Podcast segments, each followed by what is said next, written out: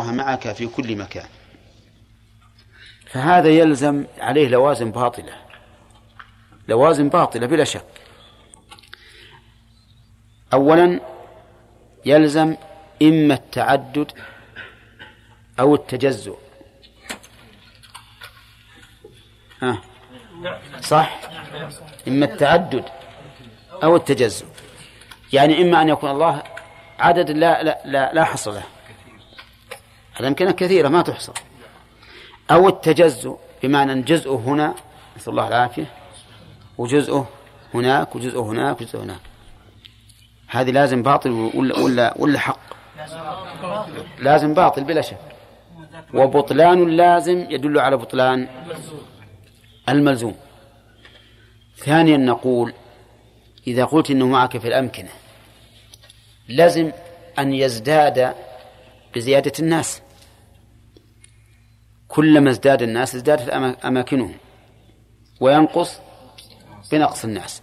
مثل هذه القرية الآن فيها ألف نفر في ألف بيت. صار مع كل نفر في بيته ولا لا؟ ماتوا أو أو نزحوا عن القرية. ها؟ معناها أقل. معناها أقل. كان في الأول الساحة هذه مملوءة من الله عز وجل والآن قل. راح في قرية راح راح في قرية ثانية إي نعم. صح؟ هذا هذا أيضا لازم فاسد. هذا لازم فاسد. و, ويلزم على ذلك أيضا اللازم الفاسد الثالث. إذا قلت إن الله معك في كل مكان والعياذ بالله لزم ألا تنزهه عن المواضع القذرة. ألا ألا تنزهه عن المواضع القذرة لأنك أنت سوف تدخل ها؟ بيت نعم الخلاء. فإذا قلت إن الله معك والعياذ بالله هذا أعظم قدح في الله عز وجل. فتبين بهذا أن قولهم مناف للسمع ومنافي للعقل وأن القرآن لا يدل عليه بأي وجه من الدلالات.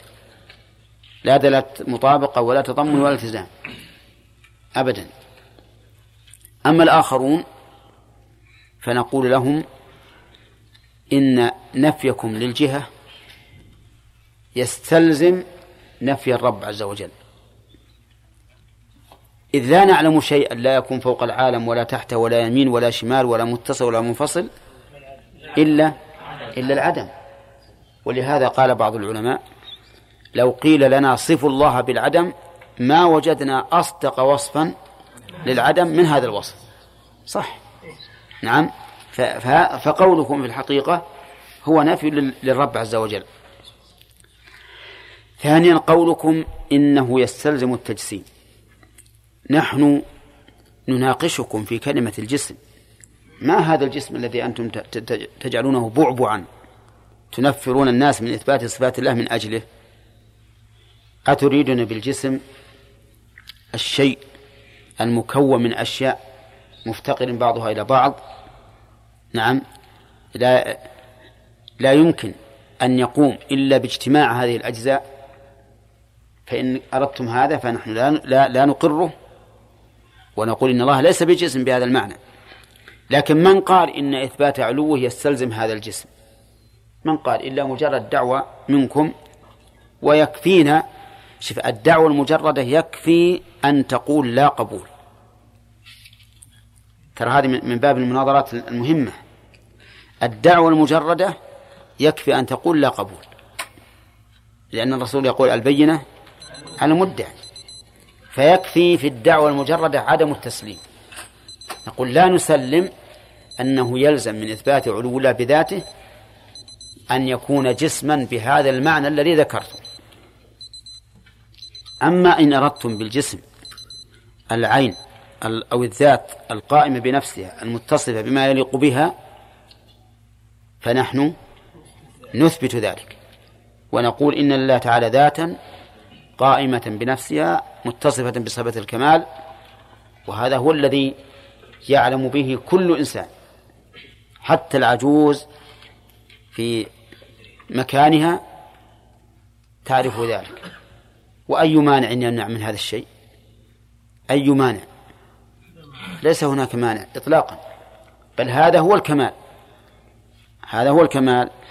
وبهذا يتبين بطلان قول هؤلاء الذين أثبتوا أن الله بذاته في كل مكان أو أن الله تعالى ليس فوق العالم ولا تحته ولا متصل ولا منفصل إلى آخره. ونقول هو على عرشه استوى عز وجل. أما أدلة العلو التي تثبت ما قاله أهل السنة والجماعة فهي أدلة كثيرة. الكتاب يعني طيب أدلة كثيرة لا تحصر أفرادها. وأما أنواعها فهي خمسة الكتاب والسنة والإجماع والعقل والفطرة. خمسة أنواع. أما الكتاب فتنوعت أدلته على علو الله عز وجل منها التصريح بالعلو والفوقية وصعود الأشياء إليه ونزولها منه وما أشبه ذلك. ومنها وأما السنة فكذلك. تنوعت دلالاتها واتفقت السنة بأصنافها الثلاثة على ذلك على علو الله بذاته. فثبت علو الله بذاته في السنة من قول الرسول صلى الله عليه وسلم وفعله وإقراره. وأما الإجماع فقد أجمع المسلمون قبل ظهور هذه الطوائف المبتدعة على أن الله تعالى مستو على عرشه فوق خلقه.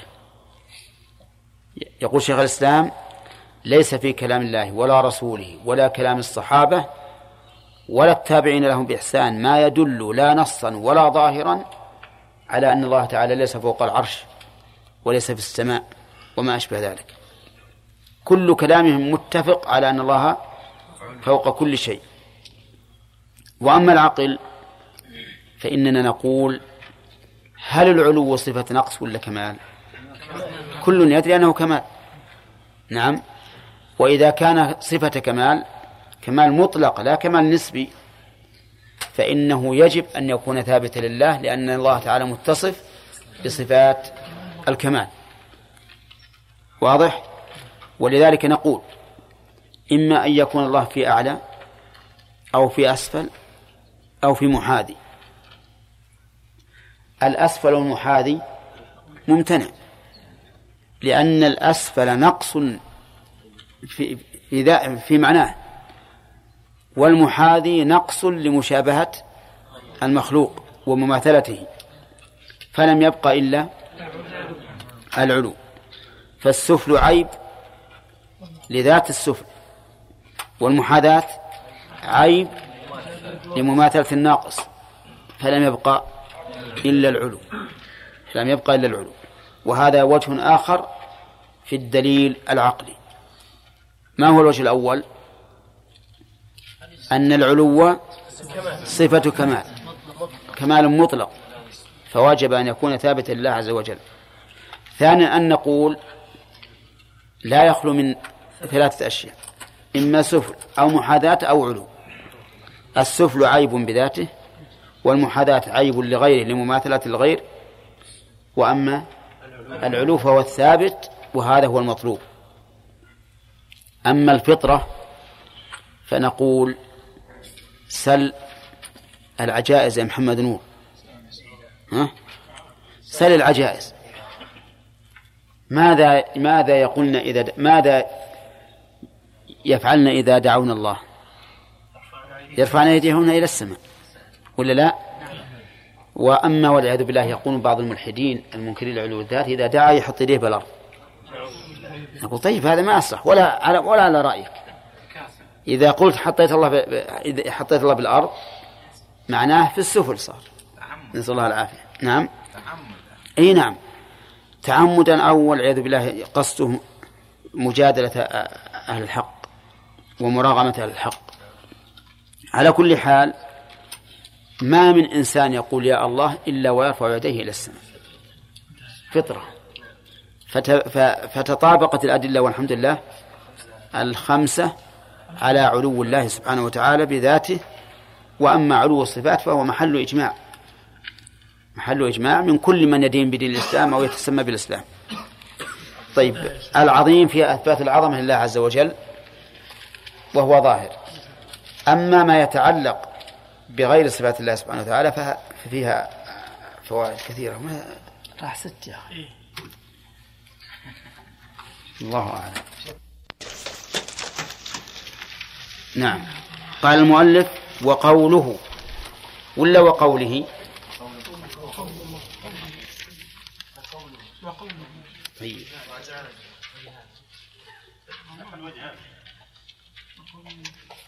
نشوف ما وصف به نفسه في سورة الإخلاص وما وصف نفسه في أعظم آية من كتاب الله وقول وقوله وقوله بالجر يعني وما وصف نفسه به في قوله في قوله سبحانه وتعالى هو الأول والآخر والظاهر والباطن هذه أربعة أسماء كلها متقابلة كلها متقابلة في الزمن والمكان في الزمن والمكان. تفيد على تفيد إحاطة الله سبحانه وتعالى بكل شيء أولا وآخرا وكذلك في المكان. يعني فيه الإحاطة الزمانية والإحاطة المكانية. والأول الأول فسره النبي عليه الصلاة والسلام بقوله الذي ليس قبله شيء. الأول الذي ليس قبله شيء. وهنا فسر الإثبات بالنفي. فسر الإثبات بالنفي فجعل هذه الصفة الثبوتية صفة سلبية. ونحن قد ذكرنا فيما سبق أن الصفات الثبوتية أكمل وأكثر. فلماذا نقول هذا فسره الرسول عليه الصلاة والسلام بذلك؟ لتوكيد الأولية. يعني أولية ليست أولية إضافية لأن الأولية قد تكون إضافية فيقال هذا أول يعني باعتبار ما بعده وفيه شيء آخر قبل. تقول مثلا دخل علي فلان بيتي هو الأول هو الأول. طيب هو الأول بالنسبة لكل من دخل البيت ولا بالنسبة لمن دخلوا هذه المرة؟ هذه المرة هذه المرة, هذه المرة. فلما كانت الأولوية قد يراد بها الأولوية النسبية صار تفسيرها بما يقتضي تفسيرها بأمر سلبي أدل على العموم. على على أنها أولوية مطلقة. ولهذا قال ليس قبله شيء. ليس قبله شيء. وهذا باعتبار التقدم الزمني. باعتبار التقدم الزمني. طيب والآخر فسره النبي عليه الصلاة والسلام بقوله الذي ليس بعده شيء. ليس بعده شيء. ولا تتوهمن أن هذا يدل على غاية لآخريته. لا لأن هناك أشياء أبدية وهي من المخلوقات كالجنة والنار. وعليه في كل معنى الآخر أنه سبحانه وتعالى محيط بكل شيء حتى الذي لا نهاية له حتى الذي لا نهاية له. فليس بعده شيء. الظاهر من الظهور وهو وهو العلو. الظهور هو العلو. كما قال تعالى هو الذي أرسل رسوله بالهدى ودين الحق ليظهره على الدين كله أي ليعليه. ومنه ظهر الدابة لأنه عال عليها. ومنه قوله تعالى فما استطاعوا أن يظهروه وما استطاعوا له نقبة. أن يظهروه يعني يعلو يعلو عليهم. وهكذا. فالظاهر قال النبي عليه الصلاة والسلام في تفسيرها الذي ليس فوقه شيء. فهو فوق كل شيء وليس فوقه شيء. الباطن فسره النبي عليه الصلاة والسلام قال الذي ليس دونه شيء. وهذا كناية عن إحاطته بكل شيء. ليس دونه شيء لا يحول دونه جبل ولا سقف ولا ماء ولا شجر ولا أي شيء. ليس دونه شيء فهو واصل إلى كل شيء سبحانه وتعالى. ولكن المعنى أنه مع علوه عز وجل فهو باطن. هو عال ظاهر وباطن. فمع علوه لا ينافي قربه عز وجل. فالباطن قريب من معنى القريب لأنه قال ليس دونه شيء أي لا يحول دونه شيء بل هو يصل إلى إلى كل شيء سبحانه وتعالى. هذا هو معنى الباطن. تأمل هذه الأسماء الأربعة تجد أنها متقابلة متقابلة. علو والثاني دنو. العلو في الظاهر والدنو في الباطن. أول أولية وآخرية. الأولية في الأول والآخرية في الآخر. فهو محيط بكل شيء بكل الأزمان وبكل الأماكن عز وجل. ثم تأمل الواو في قوله هو الأول والآخر والظاهر والباطن. يعني كلها خبر عن مبتدأ واحد لكن بواسطة حرف العطف. والأخبار بواسطة حرف العطف أقوى من الأخبار بدون واسطة حرف العطف. فمثلا مثلا وهو الغفور الودود ذو العرش المجيد فعال لما يريد. هذه أخبار متعددة بدون بدون حرف العطف. نعم. لكن أحيانا تأتي واو العطف. أحيانا تأتي واو العطف. فما فائدتها؟ فائدتها أولا توكيد السابق. لأنك إذا عطفت عليه جعلته أصلا. والأصل ثابت. الأصل ثابت. فإذا قلت الأول والآخر كأنك تقول هو الأول ومع ذلك مع تأكد أنه أول هو آخر. فيكون الفائدة من ذلك توكيد ما سبق لأنه معطوف عليه والمعطوف عليه أصل. فأنت الآن أصلته.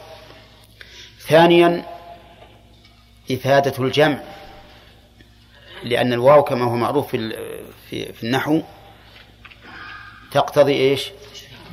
الجمع تقتضي الجمع فلما كان الذهن قد يقول إن الأول الآخر بينهما بون بون بعيد والظاهر والباطن كذلك أتى بالواو الدالة على الجمع وأن اجتماع هذين الوصفين للرب عز وجل أمر ممكن ولا مستحيل؟ ممكن. أمر ممكن. فيكون فيه تأكيد الإمكان الذي قد يفرض الذهن الذهن أنه مستحيل. أن يكون أول قبل كل شيء وآخر بعد كل شيء لأن مقتضى الترتيب أن الأول يفنى قبل قبل قبل الذي بعده. لكن قال لا هو الأول والآخر أيضا. فهذا هو فائدة الإتيان بالواو بحرف العطف. ولا يستلزم ذلك تعدد الموصوف. أرأيت قوله تعالى سبح اسم ربك الأعلى الذي خلق فسوى والذي قدر فهدى. هذا هو الأول ولا الآخر؟ هو الأول. والذي خلق فسوى هو الذي قدر فهدى. والذي أخرج المرأة كذلك. نعم. هو هذا. فإذا قلت المعروف أن العطف يقتضي المغايرة. فالجواب نعم. لكن المغايرة تارة تكون بالأعيان وتارة تكون بالأوصاف.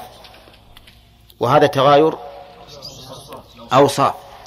على أن التغاير قد يكون غير معنوي. قد يكون لفظيا فقط. ما هو معنوي؟ لا عيني ولا معنوي. مثل قول الشاعر فألفى قولها كذبا ومينا. المين هو الكذب. المين هو الكذب ومع ذلك عطفه عليه. نعم. لتغاير إيش؟ لتغاير اللفظ. لتغاير اللفظ. المعنى واحد. فالتغاير إذن إما عيني أو معنوي أو لفظي ولا مانع.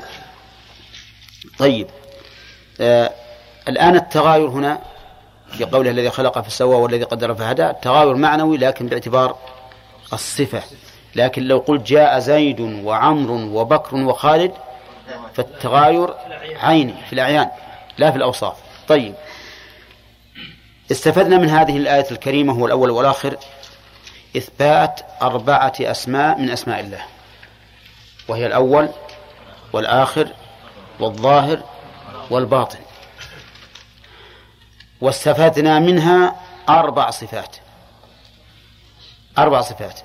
الأولية والآخرية والظاهرية والباطنية. نعم. من هذه الأسماء. من هذه الأسماء. واستفدنا من مجموع الأسماء. إحاطة الله تعالى بكل شيء زمنا ومكانا. لأنه قد قد يحصل من اجتماع الأوصاف زيادة الصفة زيادة الصفة نعم. مثل مثل إن تبدوا خيرا أو تخفوه أو تعفوا عن سوء فإن الله كان عفوا قديرا. العفو صفة كمال. اسم يدل على على صفة كمال. فالعفو صفة كمال والقدرة صفة كمال أيضا. لكن باجتماعهما يكون كمال فوق الأول. ما هو؟ أنه عاف مع القدرة وهذا كمال. لأن العفو بدون قدرة قد لا أي عجز قد لا يمدح عليه العافي بخلاف إذا اجتمع فالمهم أن أننا نأخذ من هذه الآية الكريمة أربعة أسماء وأربع صفات وصفة ثالثة اجتماع. هذه الأشياء وهي الإحاطة. طيب إذا قال قائل هل هذه الأسماء متلازمة بمعنى أنك إذا قلت الأول فلا بد تقول الآخر أو يجوز فصل بعضها عن بعض؟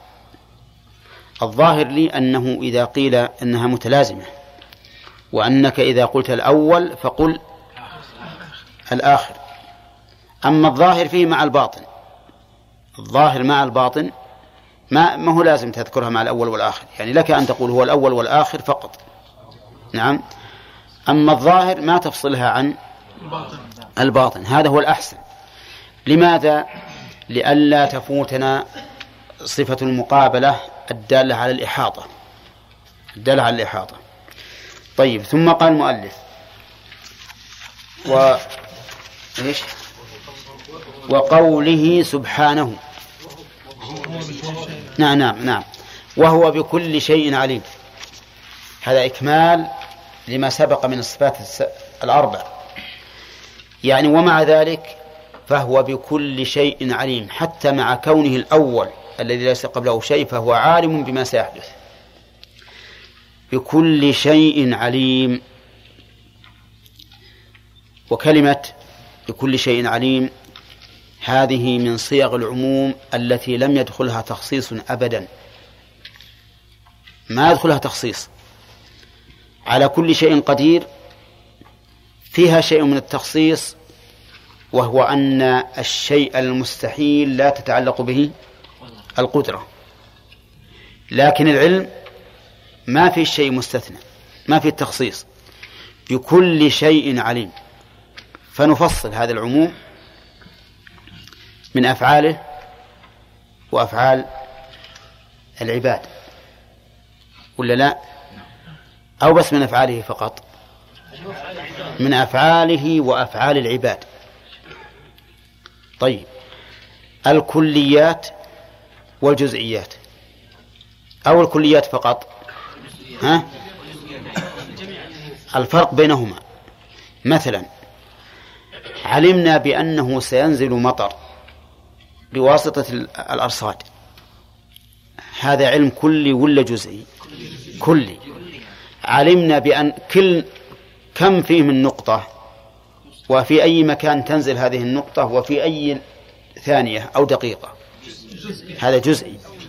فهل علم الله يكون بالكليات والجزئيات ولا بالكليات فقط؟ بالأمرين جميعا بكل شيء. نعم؟ الجزئيات والكليات. يعلم الجزئيات والكليات. طيب. يعلم ما سيقع وما لم يقع. ها؟ نعم. داخل بكل شيء. ما لم ما وقع وما لم يقع. نعم. طيب. يشمل الواجب والممكن والمستحيل. نعم. نعم يشمل هذا؟ منين ناخذ كل شيء. بكل شيء عليم.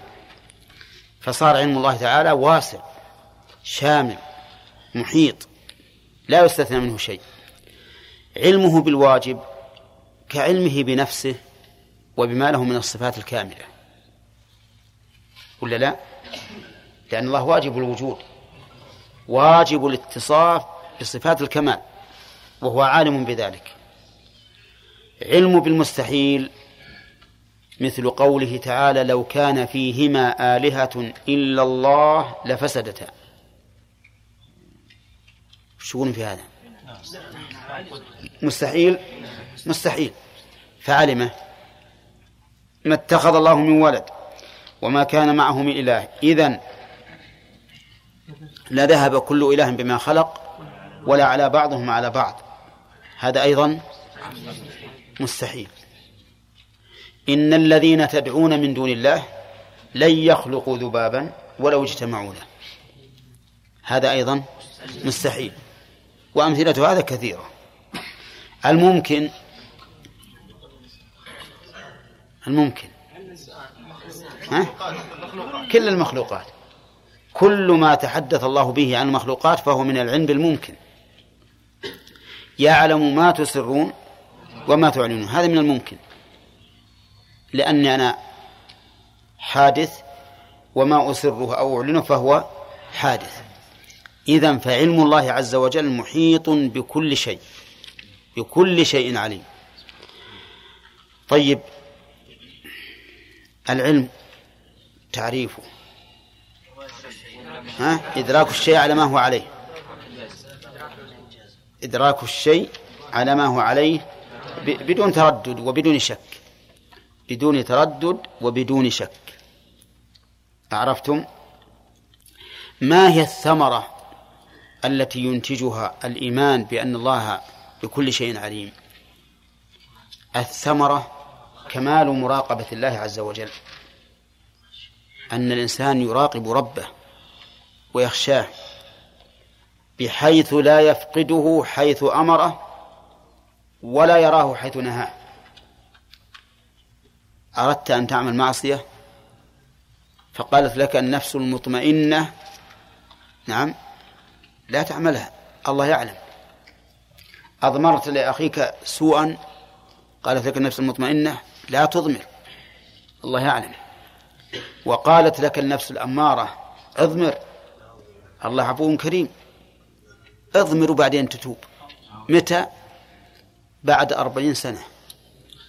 يعني في ناس الآن يعملون المعاصي يقول يا أخي توب إلى الله. يقول حتى إذا بلغ أشده وبلغ أربعين سنة قال ربي أوزعني أن أشكر نعمتك التي أنعمت علي.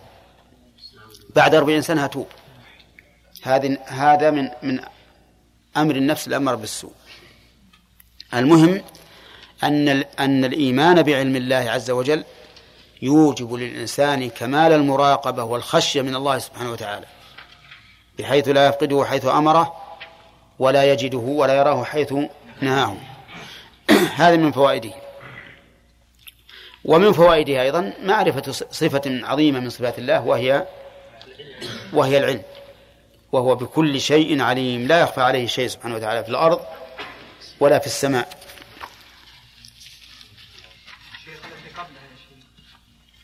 وش لم يسأل الله حافظ ما تكلمتم عليها. ما هي بعندي هذه. ما هي موجودة؟ عندي. اي والله ما هي ما هي بعندي يمكن فيها بعض النسخ يمكن. طيب. نفس الواحد نفس واحد مع رب اللحية إحنا يعني لسه تو صغير. يمكن يقول أنا كبير. اي عشان ما عشان يفعل المنكرات غلط هذا ما يجوز. طيب لا نسأل لا يدخل لا يدخل سؤال يا جماعة. طيب يقول وقوله سبحانه وتوكل على الحي الذي لا يموت. توكل التوكل مأخوذ من وكل الشيء أي فوضه إلى غيره. وكلته يعني فوضت إليه الأمر.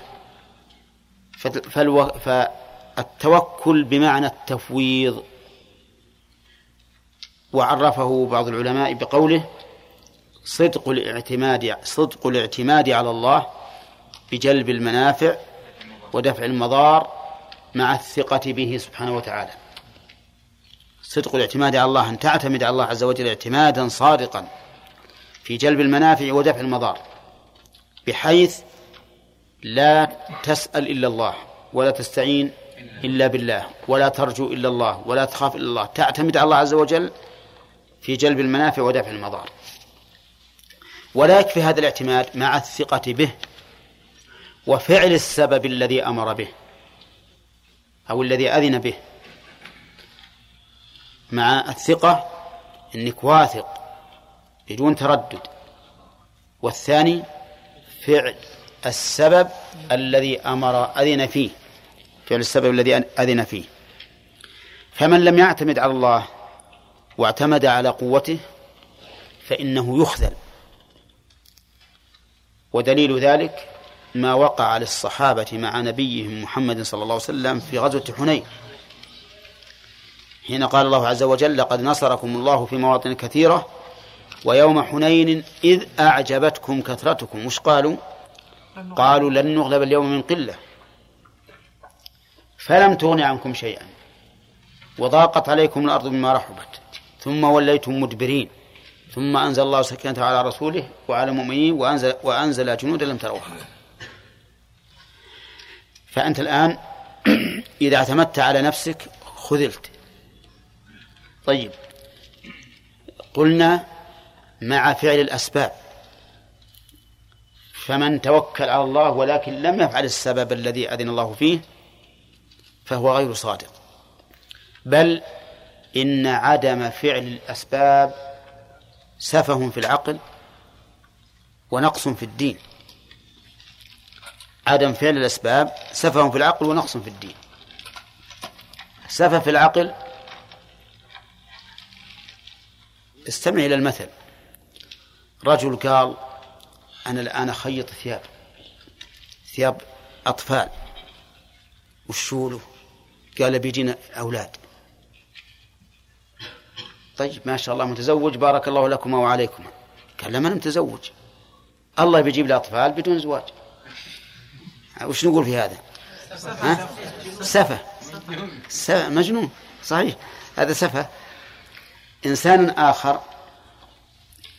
أنا إن شاء الله ما يدخل البرد أبتكل على الله. وبا وبا أنام ما علي إلا ما يستر العورة المغلظة فقط. تحت السماء واستطيع ينزل. ولا داخل البرد. وش نقول؟ سفة.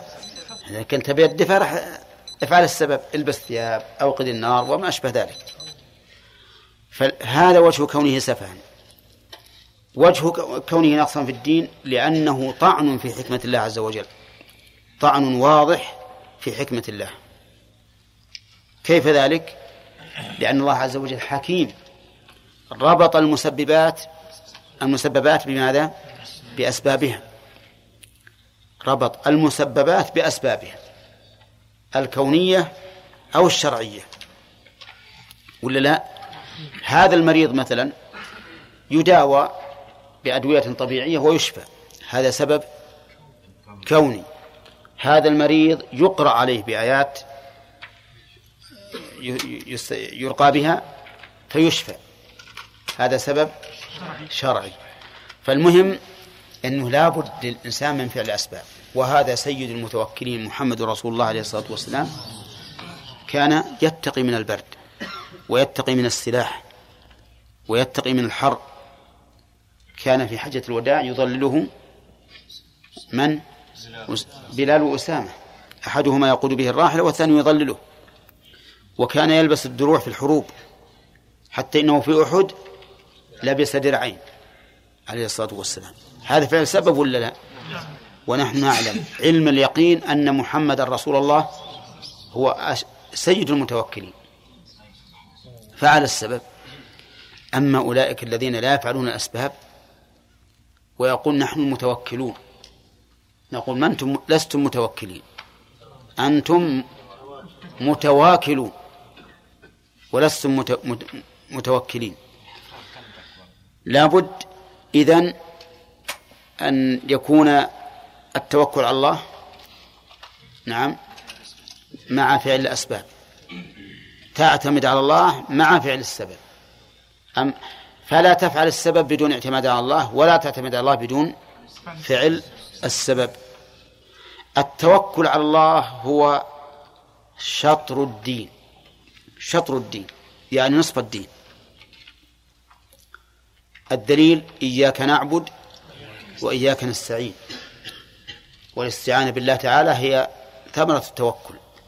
فاعبده وتوكل عليه. ولهذا من توكل على غير الله فإنه لا يخلو من ثلاثة أقسام. أولا أن يتوكل توكل اعتماد وعبادة. توكل اعتماد وتعبد. فهذا شرك أكبر. شرك أكبر. كأن يعتقد بتوكله أن هذا هو الذي يجب له كل خير ويدفع عنه كل شر. ولا فرق بين أن يكون هذا الش... هذا المتوكل عليه حيا أو ميتا. الثاني أن يتوكل على غير الله توكلا فيه شيء من الاعتماد لكن فيه إيمان بأنه سبب. لكن فيه توك... فيه شيء من الاعتماد بحيث يكون في قلبه رجاء لهذا الشخص وخوف منه. كتوكل كثير من الناس على الملوك والأمراء في تحصيل معاشهم. هذا نوع من الشرك الأصغر. نعم. ما هو أكبر؟ لأنه يقول الله هو اللي يجلب الخير والشر. لكن يعتمد على هذا في تحصيل قوته اعتمادا مشوبا بالرغبة والرهبة. فيكون هذا شركا أصغر. لأن في القلب نوع من الاعتماد على هذا المخلوق. الثالث أن يتوكل على شخص على أنه نائب عنه. وأن هذا المتوكل فوقه. كتوكل الإنسان على الوكيل. أنا قلت لواحد روح اشتر لي حوائج من السوق. اعتمدت عليه ولا لا؟ لكن على أساس الرغبة والرهبة؟ على أساس إن قوتي بيده؟ أبد على أساس أني أنا فوقه. لو شئت قلت خلاص لا تشتري. ولا اشترى لي معيب. قلت يلا رح ارجع به أنت. أنت ارجع به. أمر ما هو ما هو التماس أمر. نعم. ولا لا؟ إذا هذا لا ينافي التوكل. وقد وكل النبي عليه الصلاة والسلام أصحابه في قبض الصدقات وفي البيع والشراء وليس ذلك نقصا في توحيده عليه الصلاة والسلام. فصار التوكل على على غير الله ينقسم إلى هذه الأقسام الثلاثة. فتوكل العبادة لا يصح إلا لله وهو الذي يفوض الإنسان أمره إليه. تفويضا كاملا في جلب المنافع ودفع المضار مع اقتران ذلك بالخشية والرجاء. هذا عبادة حتى سواء ميت ولا حي. والثاني ما دون ذلك يعتقد أن الذي بيده الخير وبيده النفع والضرر هو الله ولكن له نوع من من الاعتماد على هذا الشخص في تحصيل معاشه وفي قلبه شيء من الخوف والرغبة هذا نقول هو شرك أصغر لأنه بلا شك ليس عبادة. والثالث الاعتماد على الغير مع إيش؟ مع اعتقاد أنه نائب عني. نائب عني وأنا فوقه ولي السيطرة عليه. السيطرة عليه هذا نقول حكمه جائز. وقد دل عليه الكتاب دل عليه الكتاب والسنة. نعم.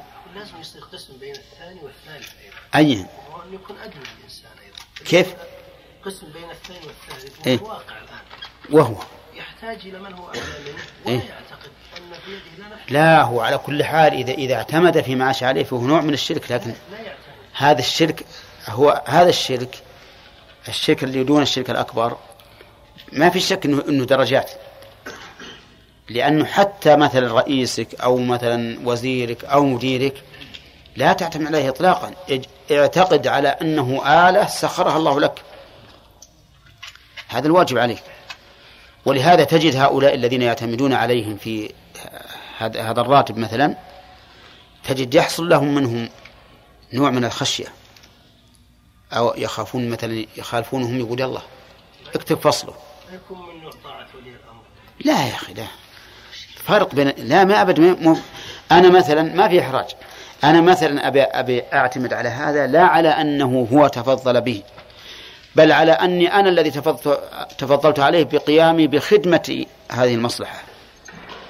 فيكون كأجرة كأجرة. وهذه المسألة دقيقة ولهذا السلف يقول ما جاهدت نفسي على شيء مجاهدته على على الإخلاص. المسألة هذه دقيقة جدا. أي نعم. الله أكبر. مثلا قرينة إيه. هو تابع للتقسيمات. إيه على كل هو من القسم الثالث هذا. لأنه ما يعتقد على أنه مثلا يبي يبي يعلق رجاءه وخوفه بهذا الرجل. ولا يعتمد أنه أنه فوقه يعتمد أنه أي نعم مستوى طيب الآن يقول على الحي الذي لا يموت. توكل على الحي. الذي لا يموت. يقولون إن الحكم إذا علق بوصف دل على علية ذلك الوصف. اقطع يد السارق. ها؟ لأنه سرق. كذا؟ أدب المعتدي لعدوان لإعتدائه. كذا؟ أهجر الفاسق.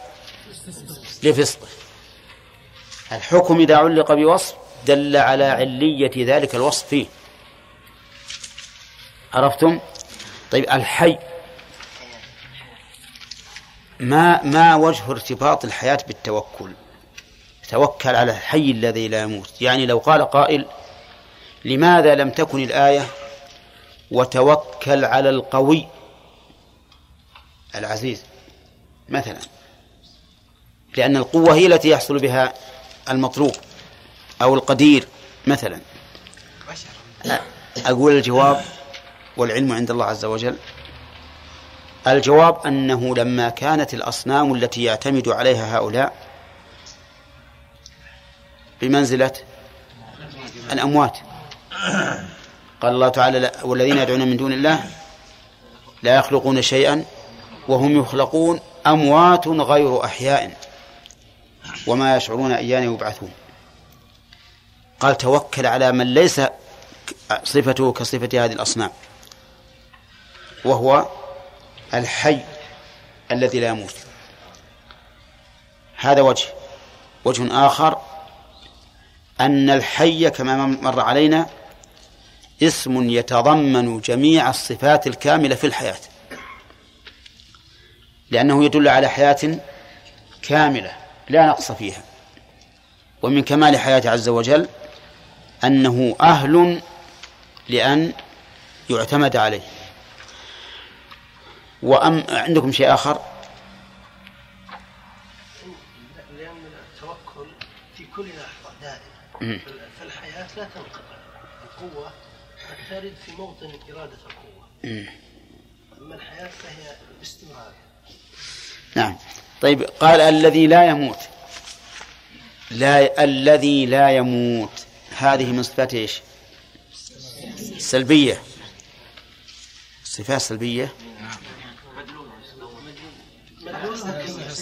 سلبية. يا أخي ما عندكم مضروع الله يهديكم. إلى من الواحد جزم عليكم لو أنكم عالمين مرة. آه. تفرقتوا. طيب. هي صفة هي من الصفات السلبية لأنها منفية لا يموت. لماذا؟ لكمال حياته. لكمال حياته عز وجل لا يموت. فيكون تعلقها بما قبلها يكون المقصود به إفادة أن هذه الحياة يكون المقصود به إفادة أن هذه الحياة كاملة لا يلحقها فناء. لا يموت. طيب. في هذه في هذه الجملة من أسماء الله؟ الحي. وفيها من صفاته؟ الحياة. وش بعد؟ وانتفاء الموت المتضمن لكمال الحياة. عرفتم؟ إذن صفتان. ها؟ واسم. صفتان واسم. قال تعالى وقول قال المؤلف وقوله وهو اصبر يا أخي ماذا بسؤال؟ وقوله وهو العليم الحكيم وهو العليم الخبير. بدأ نسختان. أنا عندي العليم. طيب المؤلف هذه بدأ بآيات العلم رحمه الله. ولننظر. قال الله عز وجل وهو العليم. وسبق معنى العلم. وسبق أن العلم صفة كمال. وسبق أن علم الله محيط بكل شيء جملة وتفصيلا. أما الحكيم فهذه المادة حاء كاف ميم تدل على حكم حكم وإحكام. فعلى الأول حكم يكون الحكيم بمعنى الحاكم وعلى الثاني يكون الحكيم بمعنى المحكم. كذا عبد الله؟ ها؟ هذه المادة حاء كاف ميم تدل على إيه؟ إحكام وحكم. على إحكام وحكم. فعلى على الثاني الذي الحكم يكون حكيم بمعنى حاكم. وعلى الأول يكون بمعنى محكم. إذن تدل هذه يدل هذا الاسم الكريم يدل على أن الحكم لله. ويدل على أن الله موصوف بالحكمة لأن الإحكام هو الإتقان. والإتقان وضع الشيء في موضعه. ففي الآية إذن إثبات حكم وإثبات حكمة. إثبات حكم وإثبات حكمة. فالله عز وجل وحده هو الحاكم. الله وحده هو الحاكم. وحكم الله إما كوني وإما شرعي. حكم الله إما كوني وإما شرعي. حكم الله الشرعي نافذ في من هداه الله من عباده. وحكم الله الكوني نافذ في جميع العباد. الشرعي نافذ ها؟ في من هداه الله. والكوني في كل أحد. فهمت محمد؟ ها؟ وش قلت؟ أنا. حكم الشرعي. نافذ في من هداه إلى الله إلى عباده. وحكم الكوني نافذ إلى من هداه. نافذ في من هداه. أما الكافر فليس لله عليه حكم. الكافر ما لله عليه حكم. كوني. لا أنا أنا الفرع على كلام الأخ محمد. ها كافر إلا عليه حكم إذن نقول الحكم الفرق بين الحكم الشرعي نافذ ها في من هداه الله والكوني في كل الناس الهادي المهتدي واللي ما اهتدى. طيب نحتاج إلى ذكر أمثلة من القرآن تدل على ذلك. فلنستمع. قال الله تعالى أفحكم الجاهلية يبغون؟ ومن أحسن من الله حكما لقوم يوقنون. وش المراد؟ الشرعي بقرينة قوله أفحكم الجاهلية يبغون وقوله لقوم يوقنون. تمام؟ طيب. وقال الله تبارك- وتعالى كل شيء هالك إلا وجهه له الحكم وإليه ترجعون. أو يشمل. ها؟ يشمل الأمرين. له الحكم الشرعي والكوني. طيب. وقول إحدى إخوة يوسف فلن أبرح الأرض حتى يأذن لي أبي أو يحكم الله لي. ها؟ كوني. لأن الله لا لأن الله حاكم ي- يروح يبرح الأرض. شرعا ما ما منعه. شرعا ما منعه. أحد أحد إي صح. أحسنت بارك الله فيك. أحد إخوة يوسف. نعم هذا تنبيه يجب. قول أحد قول أحد إخوة يوسف. أي نعم لا. الصواب أحد. لكن ما أخطأت في لفظ أو شيء علموني جزاكم الله خير. طيب.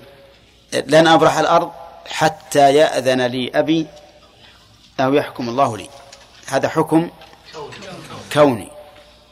ولا لا؟ لأن الحكم الشرعي قد أذن الله له. ما أمره أن يبقى في الأرض. أليس كذلك؟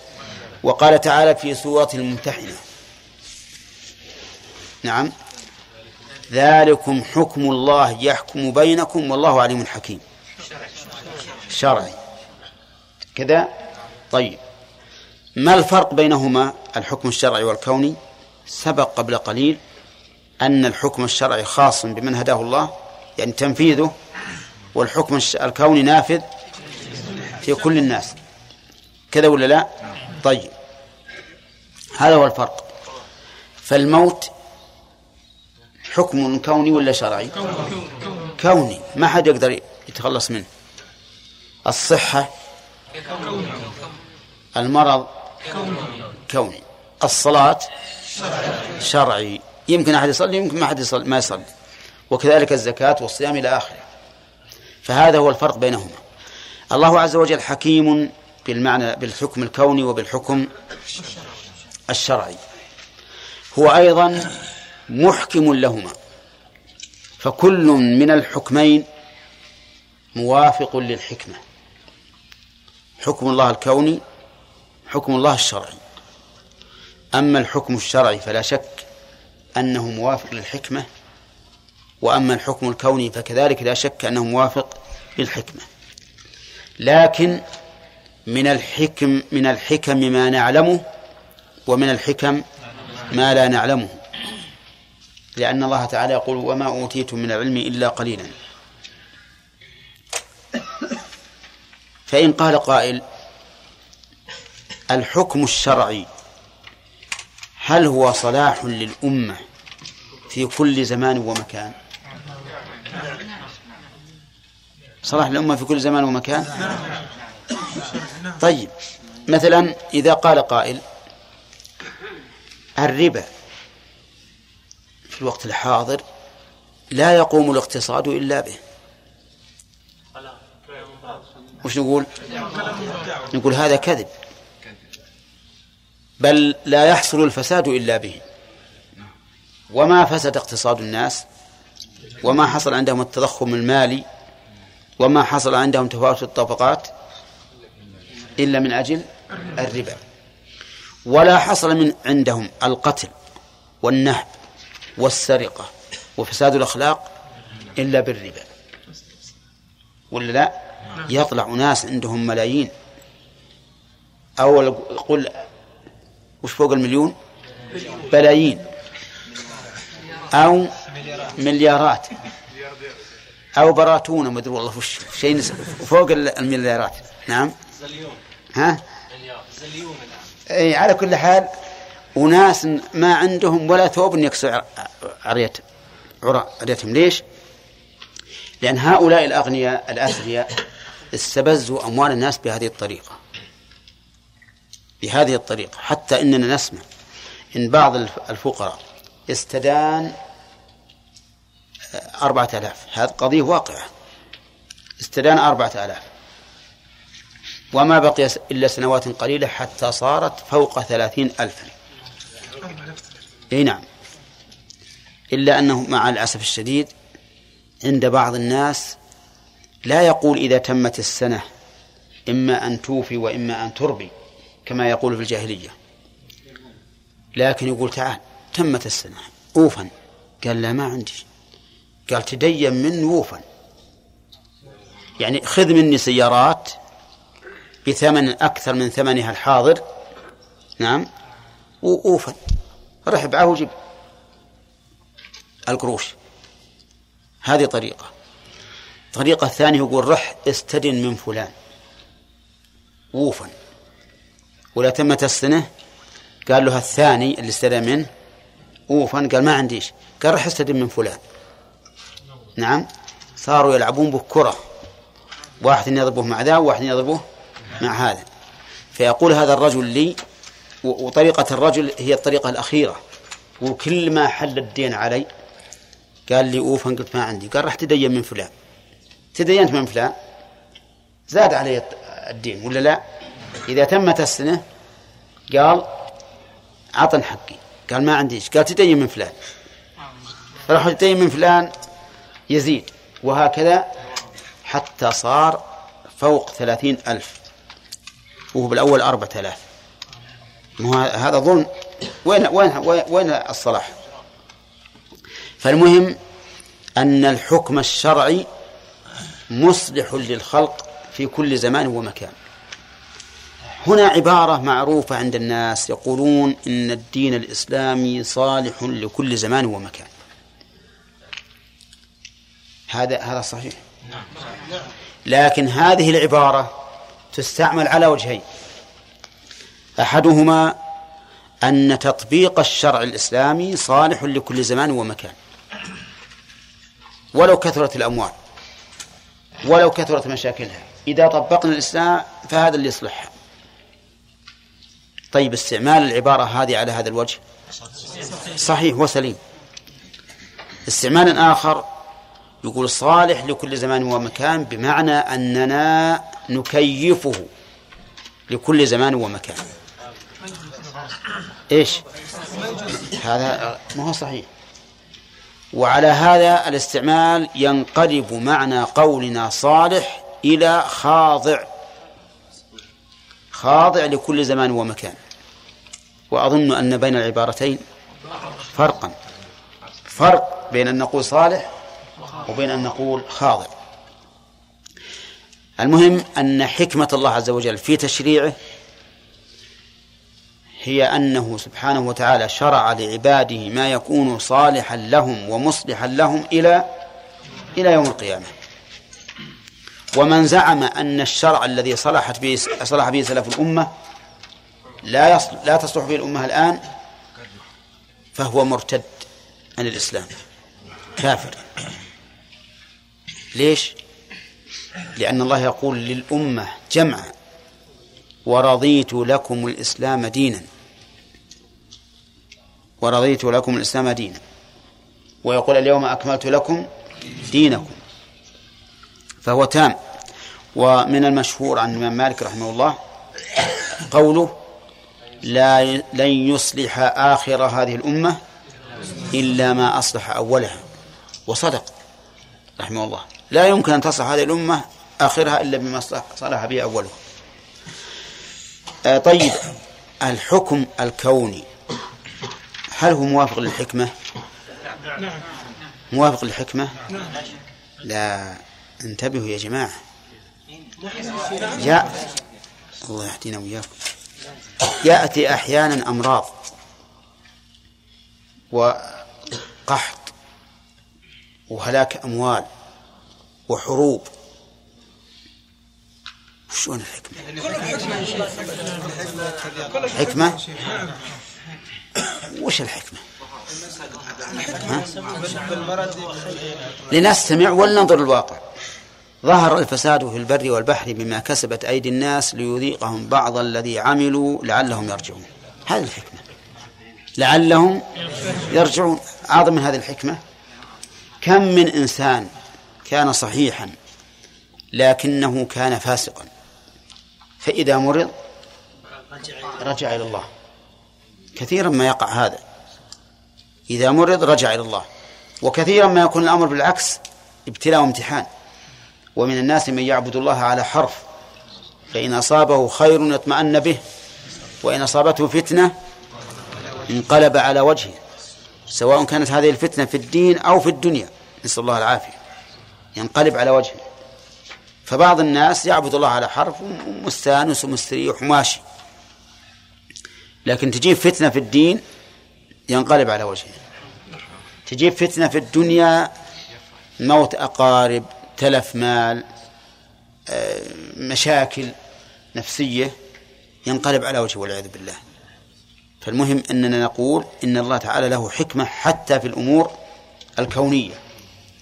لكن أحيانا ما نعلمها نحن. ما نعلمها حتى يقع الأمر. وهذا شيء يعني يعرفه الإنسان في نفسه أحيانا أحيانا يتصرف في نفسه ويفعل شيء ويقول ليتي ما فعلته يوم يدري بعد زمن وإذا هو سيحتاج إليه أن يفعله على هذا الأمر على هذا الوجه. نعم؟ هذا شيء مشاهد.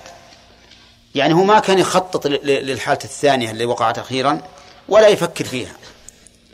فكر للحاضر وصل هيأ ما هيأه على ولكن وجد فيه شيئا يخالف ما يخالف ما تقتضيه حاجته اليوم وبعد حين يرى أنه مناسب. وكأنما صنعه منذ شهرين أو ثلاثة كأنما صنعه لليوم لعام اليوم. هذه حكمة ولا لا؟ حكمة. مع أن بالأول ما ظنينا أن هذا هو الأفضل. ظنينا أن الأفضل خلاف ذلك لكن وقع الأمر على أن هذا هو الأفضل وهذا من نعمة الله على الإنسان. ولهذا قال الله تعالى فإن كرهتموهن فعسى أن تكرهوا شيئا. ويجعل الله فيه خيرا كثيرا. شوف تعبير القرآن. ما قال فإن كرهتموهن فعسى أن تكرهوهن ويجعل الله فيه خيرا كثيرا. قال عسى أن تكرهوا شيئا. ليش؟ ها؟ للعموم. عشان تكرهوهن وغيرهن. عسى أن تكرهوا شيئا ويجعل الله فيه خيرا كثيرا. وهو كقوله تعالى وعسى أن تكرهوا شيئا وهو خير لكم. نقف على هذا عشان الأسئلة؟ نعم. اضبط العشر يا ولد. يدل على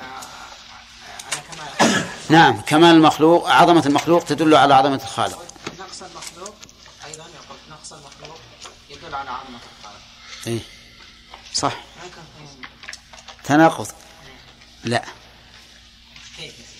أفهمتم كلامه؟ نقول عظمة المخلوق تدل على عظمة الخالق. ونقص المخلوق يدل على كما على عظمة الخالق. على كمال الخالق. ها؟ نعم. يا شيخ مثل النوم يا شيخ. ها. هذا نقص في المخلوق. نعم. لكن يدل على كمال الخالق بأنه حي لا بأنه لا ينام. لا ينام. زين. طيب.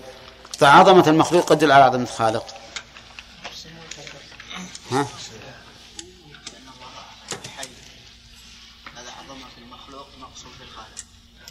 لا يا أخي.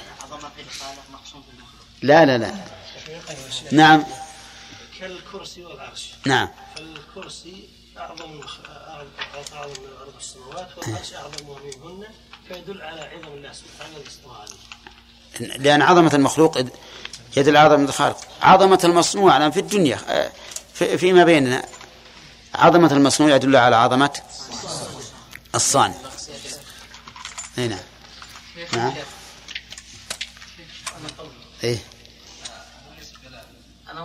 أنت المقدم آه، القسم الثاني من أقسام التوكل على غير الله. شرحت زين. ها؟ القسم الثاني من أقسام التوكل على غير الله. إي نعم. شرحناها. اشرح يرجع يرجع للشريط نعم.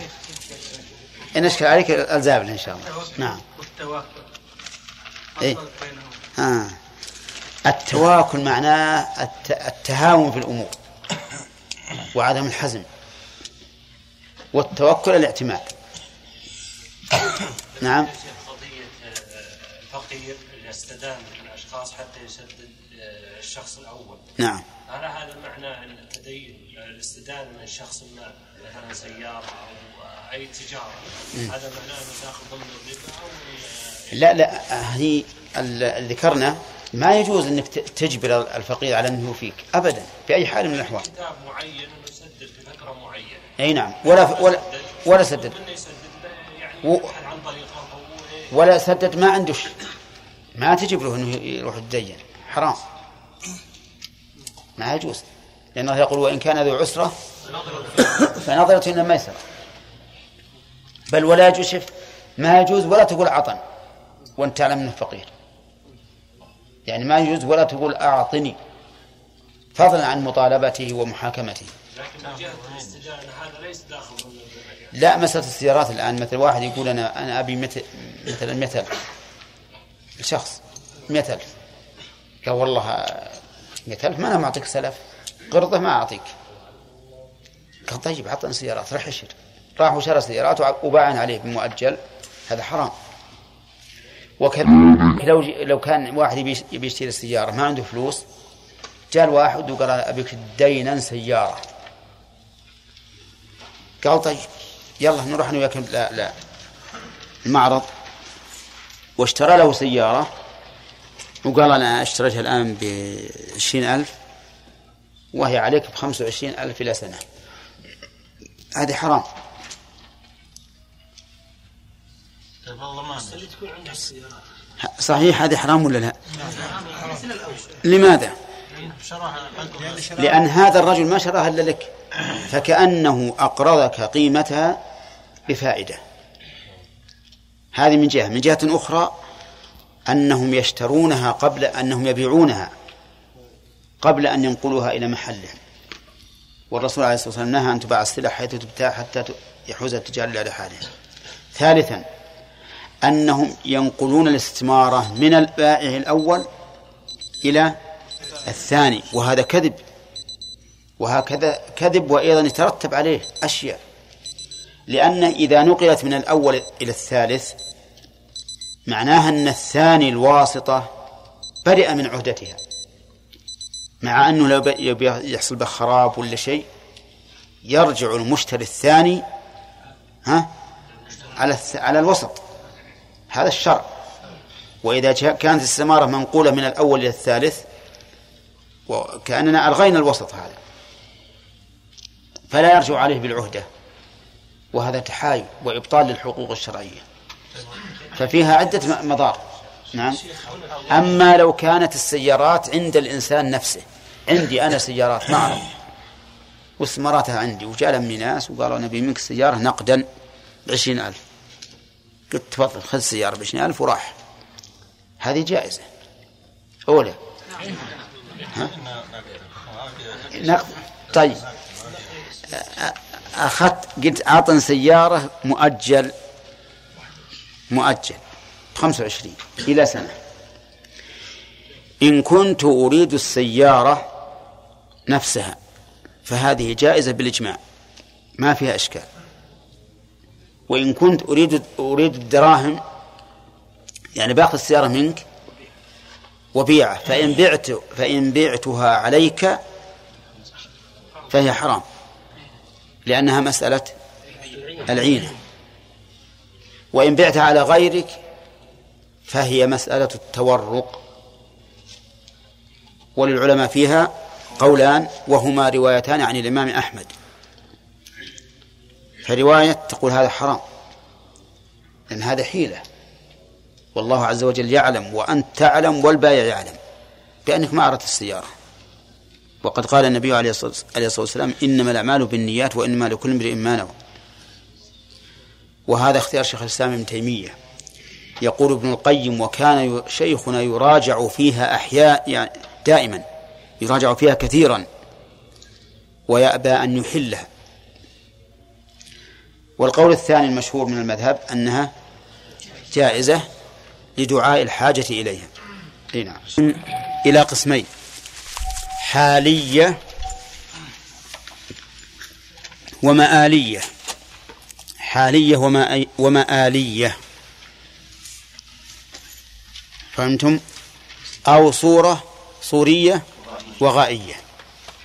حالية بمعنى أن وقوع الشيء على هذا الوجه المعين موافق للحكمة. هذه الحالية. بمعنى أن الحال اللي هو عليها الآن موافق للحكمة. كالصلوات مثلا. فيها ركوع وسجود وقيام وقعود. كونها على هذه الصفة هذا موافق للحكمة تبتدأ بالثناء على الله عز وجل ثم بتلاوة كلامه ثم بالانحياء له تعظيما ثم نعود بالثناء على الله والحمد لله ثم نسجد له وهكذا. هكذا نقول هذه وقوع هذه العبادة على هذا الوجه موافق للحكمة. كون المخلوقات على ما هي عليه من الصورة والحال موافق للحكمة. الإنسان منتصب القامة وعلى هذا الشكل الذي لا لا يماثله شيء من الحيوان موافق للحكمة. نعم الحيوانات موافقة للحكمة ظهورها على هذا الصفة. نعم وكون القوة فيها وكون ظهر الإبل محاطا بالشحم لأنها تحمل الأثقال فتحتاج إلى شحم يقيها عن ثقل الأحمال حتى لا يدق عظمها. وكون العظم أيضا مقوسا يكون هذا أقوى للحمل. وعلى هذا يعني في أشياء ما, ما, ما ندركها لكن لا شك أن وجود الشيء على هذا الوجه المعين سواء كان كونيا أم شرعيا موافق للحكمة. طيب. الحكمة المآلية أو الغائية؟ أن هذه الموجودات وهذه المشروعات ما وجدت ولا شرعت إلا لحكمة لغاية حميدة. لغاية حميدة. مثلا لماذا فرضت الزكاة؟ لأن تشتمل على مصالح عامة. وخاصة خاصة لمن أعطاها وعامة لعموم لعموم الناس ففيها حكمة مقصودة. الصلاة جماعة لماذا شرعت؟ لها حكمة. يتعلم الجاهل من العالم ويتآلف الناس بعضهم لبعض ويتعلمون الانصياع لأمر ولاة الأمور لأن كل الجماعة الآن إذا قال الإمام الله أكبر للركوع اركعوا. ولا يصبرون لأن يقول اركعوا يا جماعة. ها؟ بمجرد ما يقول الله أكبر يركعون. وكذلك بمجرد ما يقوم يقومون. هذا تعويد للجماعة العامة الإسلامية أن تتعلم الطاعة والسمع لولاة أمورها. ولهذا يسمى إمام الصلاة إماما ويسمى الإمام الأعظم إماما لأن الكل يؤتم, يأتم به الناس. فالحاصل أنك لا تجد شريعة من الشرائع إلا وهي لغاية حميدة يستحق الرب عز وجل عليها الحمد والثناء والشكر. إذن صارت الأحكام الشرعية لها غايات حميدة وهذه الحكمة. أما الأحكام الكونية فلها أيضا غايات حميدة. قال الله تعالى ونبلوكم بالشر والخير. وش الغاية؟ فتنة اختبار. إن أعطاك الله خيرا فهو فتنة لتشكر وإن أعطاك الله سوى ذلك فهو فتنة لتصبر. لما سمع سليمان عليه لما جاء عرش بلقيس إلى سليمان. قال أيكم يأتيني بعرشها قبل أن يتون المسلمين؟ قال عفريت من الجن أنا آتيك به قبل أن تقوم من مقامك وإني عليه لقوي أمين. قال الذي عنده علم من الكتاب أنا آتيك به قبل أن يرتد إليك طرفك. الله أكبر. شفاء لمح بصر. أنا أنظر بعيد إلى أقصى طرفي ثم أقول كذا قبل أن يرتد إلي طرفه. يأتيه. فعلا. ولهذا قال فلما رآه أتى بالفاء الدالة على إيش؟ تعقيب تعقيب بدون تراخي. فلما رآه مستقرا عنده قال هذا من فضل ربي ليبلوني أأشكر أم أكفر. فكل ما يقضيه الله عز وجل من الأحكام الكونية فإن له غاية حميدة يستحق عليها الحمد والشكر وهذه هي الحكمة. إذن الحكمة تتعلق بالحكم الشرعي حالي حالا ومآلا. وبالحكم الكوني حالا ومآلا. فتكون الجميع كم؟ أربع كوني حالا وكون وشرعي حالا. كوني غاية مآلا وشرعي كذلك. فهي أربع كل هذا مأخوذ من قوله تعالى الحكيم. نعم. ثم نقول يتفرع عن ذلك أيضا عن الحكيم بمعنى الحاكم كونا يتفرع عن الحكم. الحكم يعني الذي مرجع التخاصم إليه. مرجع التخاصم إليه. فالذي يقضي بين العباد هو الله عز وجل. إن قال الله تعالى يوم القيامة يفصل بينكم. يفصل بينكم. فالله تعالى هو الذي يحكم بين الخلق فيما كانوا فيه يختلفون يوم القيامة. وهذا نقول حكم فصل. ومنه الحاكم الشرعي. الحاكم الشرعي كذلك يفصل بين الخصوم. فتضمن الآن كلمة الحكيم أو هذا الاسم العظيم من أسماء الله كل هذه المعاني الثلاثة الحكم والحكمة. وربما نقول إن الحكم بين الناس يدخل في الحكم الكوني أو فرع من فروعه. نعم. قال وهو العليم الخبير. العليم سبق القول فيه وفيه صفة العلم لله عز وجل. وهو وهل هو عالم بصفة العلم أو عالم بذاته؟ نقول عالم بصفة العلم. لأن المعتزلة يقولون ما له صفة العلم. عالم بذاته. ولا تقول إنه عليم بمعنى ذو علم. هذا ما يصلح. بل هو ذاته هي العلم. ولهذا لا يفرقون بين سميع وعليم وخبير وبصير لأن كل عندهم هي الذات. يقولون ليش؟ لأنك لو أثبت لله سبحانه وتعالى صفات قديمة كالعلم والسمع والبصر صرت أكفر من النصارى. أعوذ بالله. ليش؟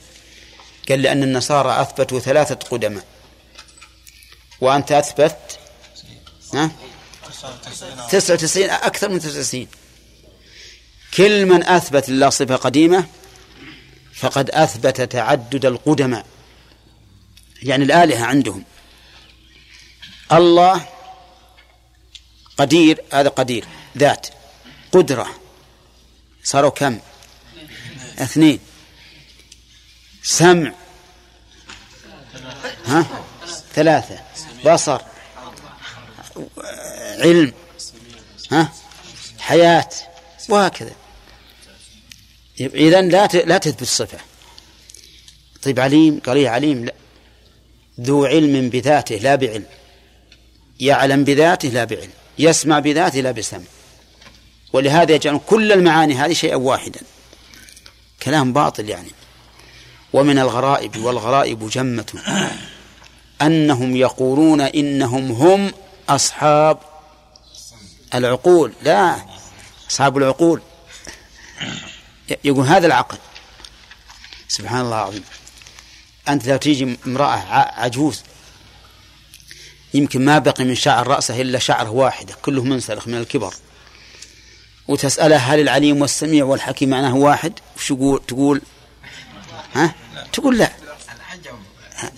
كل أحد. إذن نحن نقول إنه عليم بعلم هو وصفه. وهكذا بقية الصفات. ونقول لهم أنتم نسأل الله لنا ولكم الهداية. أنت رجل. فيك سمع وفيك بصر وفيك علم وفيك حياة وفيك قدرة. كم أنت؟ واحد. على رأيكم أنت أكثر من واحد. ولا لا؟ فكيف تجيزون لأنفسكم أن تتعدى الصفات فيكم ولا تجيزون ذلك؟ لله رب العالمين. وأي, وأي خلل أو نقص يحصل بهذا.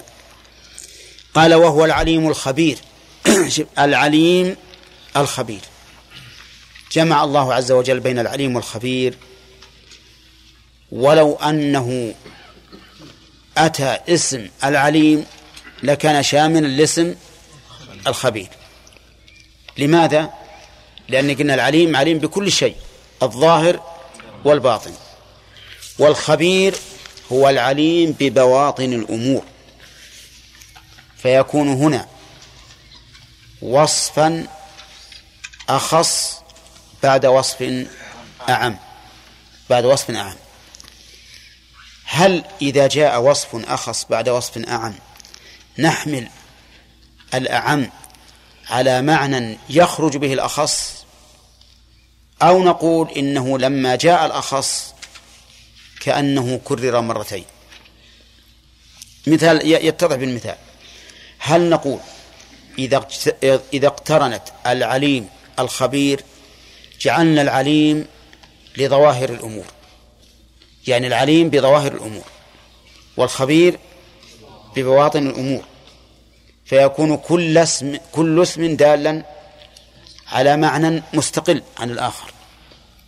أو نقول العليم بظواهر الأمور وبواطنها وأكد الخبير وهو العلم ببواطن الأمور لأن العلم بالظواهر دون العلم ها بالبواطن. العلم بالبواطن أعمق. أليس كذلك؟ أيهما أولى؟ الأخير. لأجل أن يكون العلم ببواطن الأمور مكررا مرتين مرة بطريق العموم ومرة بطريق الخصوص. وكما يكون هذا في المعاني يكون هذا في, في الأعيان. كما يكون هذا في المعاني يكون في الأعيان. فمثلا تنزل الملائكة والروح فيها. الروح من؟ جبريل. من الملائكة؟ من الملائكة. هل نقول إن جبريل دخل في الملائكة ثم نص عليه من باب التشريف أو نقول إنه لم يدخل في الملائكة أولا وأن لأنه نص عليه. أنت فهمتم الفرق؟ يعني مثلا نقول تنزل الملائكة إلا إلا جبريل. ثم قال والروح دل على نزول جبريل. أو نقول الملائكة ومنهم جبريل وخص جبريل بالذكر تشريفا له. الأخير. كذا ولا لا؟ طيب. إذن الخبير هو العليم ببواطن الأمور ونص عليه لأن العلم بالبواطن أعمق من العلم بالظواهر. نعم. طيب. ثم قال في آية في تبعا للآية. يعلم ما يلج في الأرض. ما اسم موصول؟ يفيد العموم كل ما يلج في الأرض. مثل المطر ينزل في الأرض تبلعه. الحب يبذر في الأرض. ها؟ إيش؟ الورقة ما قلت ما ما ما, ما تلج. ما تلج. الموتى. ها؟ الموتى. الدود والنمل. الدود والنمل يدخل في الأرض. ها؟ المهم على كل حال فكروا تجدون واجد. المعادن غير والجة في الأرض. لأن ما يلج ظاهر أنه كان ظاهرا ثم ولج. طيب نشوف. وما يخرج منها. عد كثير. الماء والزروع وما أشبه ذلك. طيب. وما ينزل من السماء المطر والوحي ها والملائكة. وأمر الله عز وجل يدبر أمر من السماء الأرض. وكثير. طيب. وما يعرج فيها الأعمال الصالحة والملائكة والأرواح والدعاء. نعم. طيب. وهنا قال ما يعرج فيها وفي سأل تعرج الملائكة والروح إليه. ونعلم أن العروج فعل يعدى بإلى. فعل يعدى بإلى. يقال عرج إلى ولا يقال عرج في. نعم. فكيف يتلاءم حرف الظرفية في مع فعل يدل يكون حرفه غائيا. يعني يعد بإلى. وهنا عديناه بفي. مد واضح ولا لا؟ ها؟ طيب عرج بمعنى صعد أولى. يعرج. يصعد. تقول صعدت إلى السطح ولا في السطح؟ ها؟ إلى. إلى السطح. تعرج الملائكة والروح إليه. كذا ولا لا؟ نستفيد من هذا أن عرج تتعدى بماذا؟ بإلى تمام الآن؟ طيب. الآية الكريمة هنا يقول وما يعرج فيها ولم يقل وما يعرج إليها.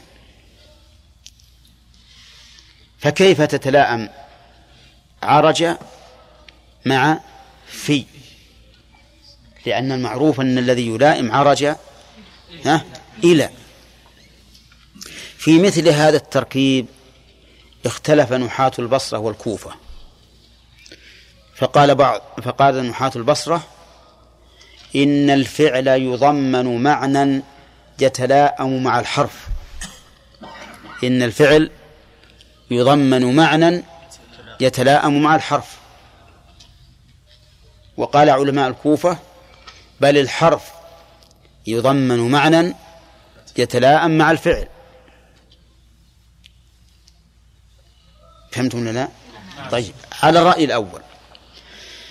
نقول يعرج فيها ضم يعرج معنى يتلاءم مع في. مع في. الذي يتلاءم مع في الدخول. الدخول. دخل في فضمنت يعرج معنى يدخل يدخل فيها. يصير المعنى؟ وما يعرج فيدخل فيها. فضمنت يعرج معنى يدخل. وعليه فيكون في الآية هنا دلالة على أمرين. على عروج ودخول. على عروج ودخول. عرفت؟ طيب. أما نحاة الكوفة يقول اجعل الحرف بمعنى يتلاءم مع مع الفعل. فعلى رأيهم نقول في بمعنى إلى. في بمعنى إلى. كذا؟ ويكون هذا من باب التناوب بين الحروف. من باب التناوب بين الحروف. لكن على هذا المعنى لا تجد أن في الآية معنى جديدا. ولا لا؟ على هذا القول أقول. على هذا القول لا تجد في الآية معنى جديدا. ما فيها إلا اختلاف لفظ. لفظ إلى إلى لفظ في. ولهذا كان القول الأول أصح. وهو أن نضمن الفعل معنى يتناسب ها؟ مع الحرف. أليس كذلك؟ طيب. لها نظير في اللغة العربية نعم. قال الله تعالى عينا يشرب بها عباد الله. والعين يشرب بها ولا منها؟ ها؟ منها. ولا بها؟ وش الذي يشرب به؟ الإناء الكأس. نعم. طيب. لكن هنا قال يشرب بها ولم يقل منها. على رأي أهل, الكوفة نقول يشرب بها ألبى بمعنى من أي منها. وينتهي الأمر. وعلى رأي البصرة البصريين يضمن الفعل يشرب معنى يتلاءم مع الحرف الباء. ما الذي يتلاءم معها؟ يروى. يروى بها. ومعلوم أنه لا ري إلا بعد شرب. فيكون هذا الفعل ضمن معنى غايته وهو إيش؟ الري. ضمن معنى غايته وهي الري. وكذلك نقول وما يعرج فيها لا دخول في السماء إلا بعد العروج إليها. فيكون الفعل ضمن معنى معنى الغاية الغاية التي ينتهي إليها العروج. المهم أن الله عز وجل ذكر عموم علمه في كل شيء بنوع من التفصيل. العموم في قوله وهو بكل شيء عليم عام ما في أي تفصيل. لكن يعلم ما يرجع في الأرض وما يخرج منها وما ينزل من السماء وما يعرج فيها فيه نوع تفصيل ولا لا؟ طيب. الذي يعرج في السماء أظننا ذكرناه. طيب. ثم فصل تفصيلا آخر. فقال وعنده مفاتح الغيب. عنده خبر مقدم. مفاتح مبتدأ مؤخر. تفيد هذا يفيد هذا التركيب الحصر والاختصاص. عنده لا عند غيره مفاتح الغيب. وأكد هذا الحصر بقوله لا يعلمها إلا هو. ففي الجملتين حصر. بأن علم هذه المفاتح عند من؟ عند الله. بطريقتين. إحداهما طريقة التقييم والتأخير والثانية طريقة النفي والإثبات لا يعلمها إلا هو. كلمة مفاتح قيل إنها جمع مفتح إنها جمع مفتح وقيل إنها إن الأصل أنها مفاتيح.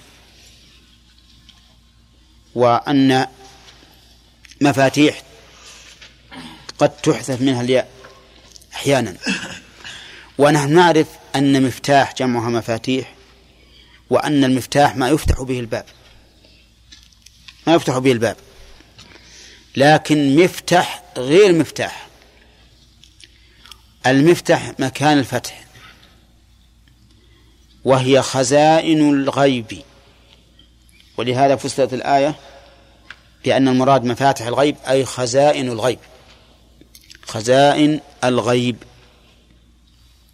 وقيل مفاتح الغيب أي مبادئها أي مبادئها. لأن مفتح كل شيء اللي هو مكان الفتح يكون في أوله ولا في آخره؟ ها؟ متأكدين؟ معلوم. الباب في أول الدخول. فيكون على هذا مفاتح الغيب أي مبادئ الغيب. فإن هذه المذكورات مبادئ لما بعدها. الغيب مصدر غاب يغيب غيبا. والمراد بالغيب ما كان غائبا. والغيب أمر نسبي. لكن الغيب المطلق خاص بالله. الغيب المطلق اللي هو غيب بكل تقدير هذا لا يعلمه أحد إلا الله. أما الغيب النسبي فهو على اسمه. غيب بالنسبة لفلان ظاهر بالنسبة لفلان. يعني غيب لفلان وشهادة لفلان. مثلا نحن الآن لا نعلم ما في بيوتكم. فما في بيوتكم بالنسبة لنا؟ غيب. لكن بالنسبة لكم شهادة. أولى هذا غيب نسبي ما يمتدح فيه الإنسان إذا علمه لأنه يقول أنت إذا راح للبيت مثلا